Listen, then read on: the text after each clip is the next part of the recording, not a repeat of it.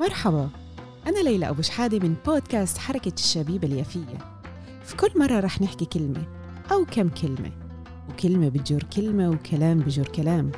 الكلمة مش بس بتتقال الكلمة كمان بتتحس. في كلمة بتحضنك كلمة بتبعدك كلمة بتقويك وكلمة بتضعفك. ماضينا كلمة مستقبلنا على كلمة والحاضر نفسه كلمة. في كل مرة رح نقول كم كلمة وهاي المرة كلمتنا هي؟ السعادة. شغلنا الشاغل في الحياة إنه نكون سعداء وكل واحد بدور بطريقته. في اللي بدور على السعادة في الشغل وبيقضي معظم وقته بشغله.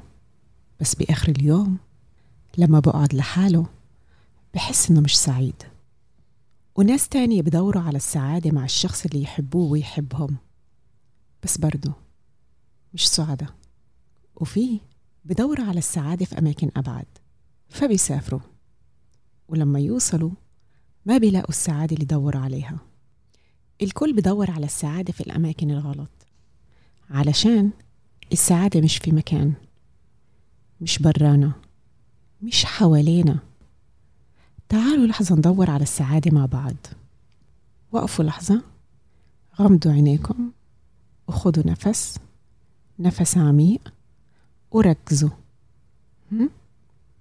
لقيتوها؟ السعادة موجودة في كل لحظة وفي كل مكان بنكون متواجدين فيه والوحيدين اللي ممكن يثبتوا كلامي هذا هم الأطفال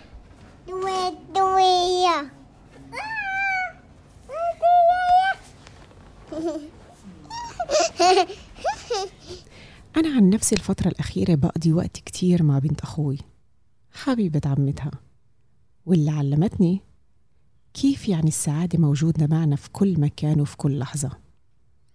بنت السنة ونص فهمتني بطريقتها طبعا إن السعادة بتنولد معنا وهي جزء منا ومن وجودنا.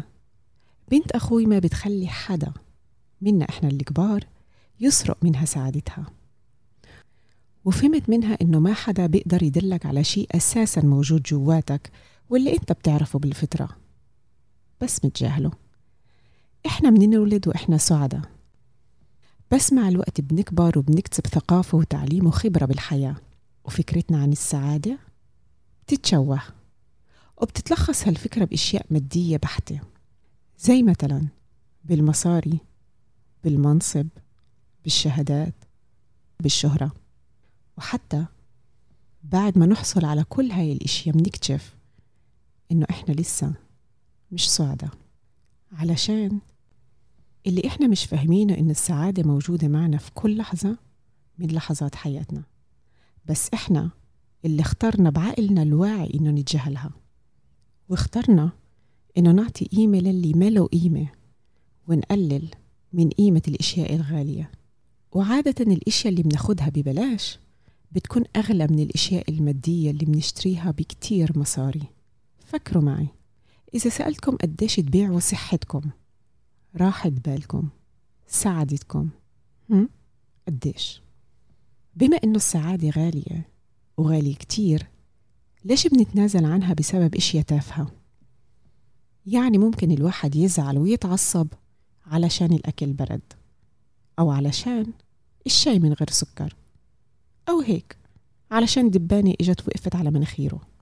وبسبب أحداث تافهة بنتنازل عن السعادة اللي هي كتير وكتير غالية.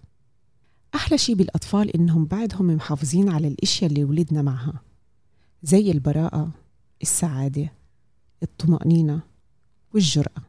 وما بيسمحوا لحدا مهما كان أو من مكان يسلبهم سعادتهم. نرجع لبنت أخوي. ناني اللي لما باخد منها لعبتها اللي بتكون كتير سعيدة وهي بتلعب فيها ردة فعلها التلقائية بتكون؟ oh no oh no وبتطلع علي بنظرة إنه oh no مش رح تسرقي سعادتي. وبترمحي بعيد عني وهي بتضحك متمسكة بسعادتها. وبتشاركها مع لعبة تانية أو مع شخص تاني غيري. أو لما بعطيها ملبسة اللي هي شي كتير بسيط بتقول واو. واو والسعادة منورة وجهها. ما كانش لازم أجيب شي غالي ولا شي كبير عشان تفرح فيه علشان الفرحة موجودة أساسا جواتها وهي اختارت إنها تكون سعيدة. وهذا الشي بالضبط اللي اتسرق منا في كل سنة كبرنا فيها.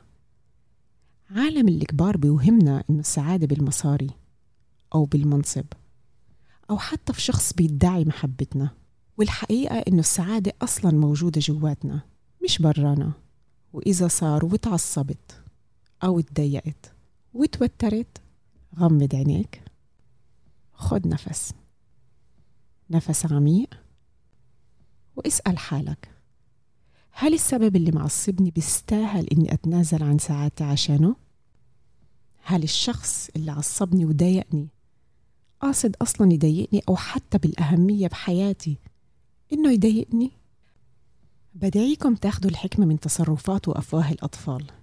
كونوا زي بنت أخوي. لما حد بياخد منكم سعادتكم قولوا له أوه نو غمضوا عينيكم. خدوا نفس. نفس عميق.